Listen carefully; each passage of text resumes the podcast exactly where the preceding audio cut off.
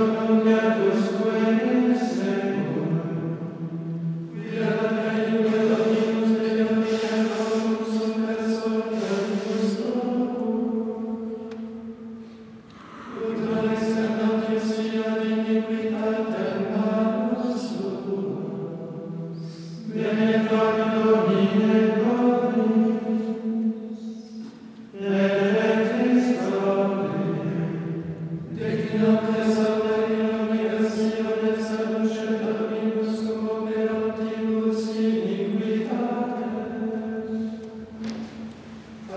understood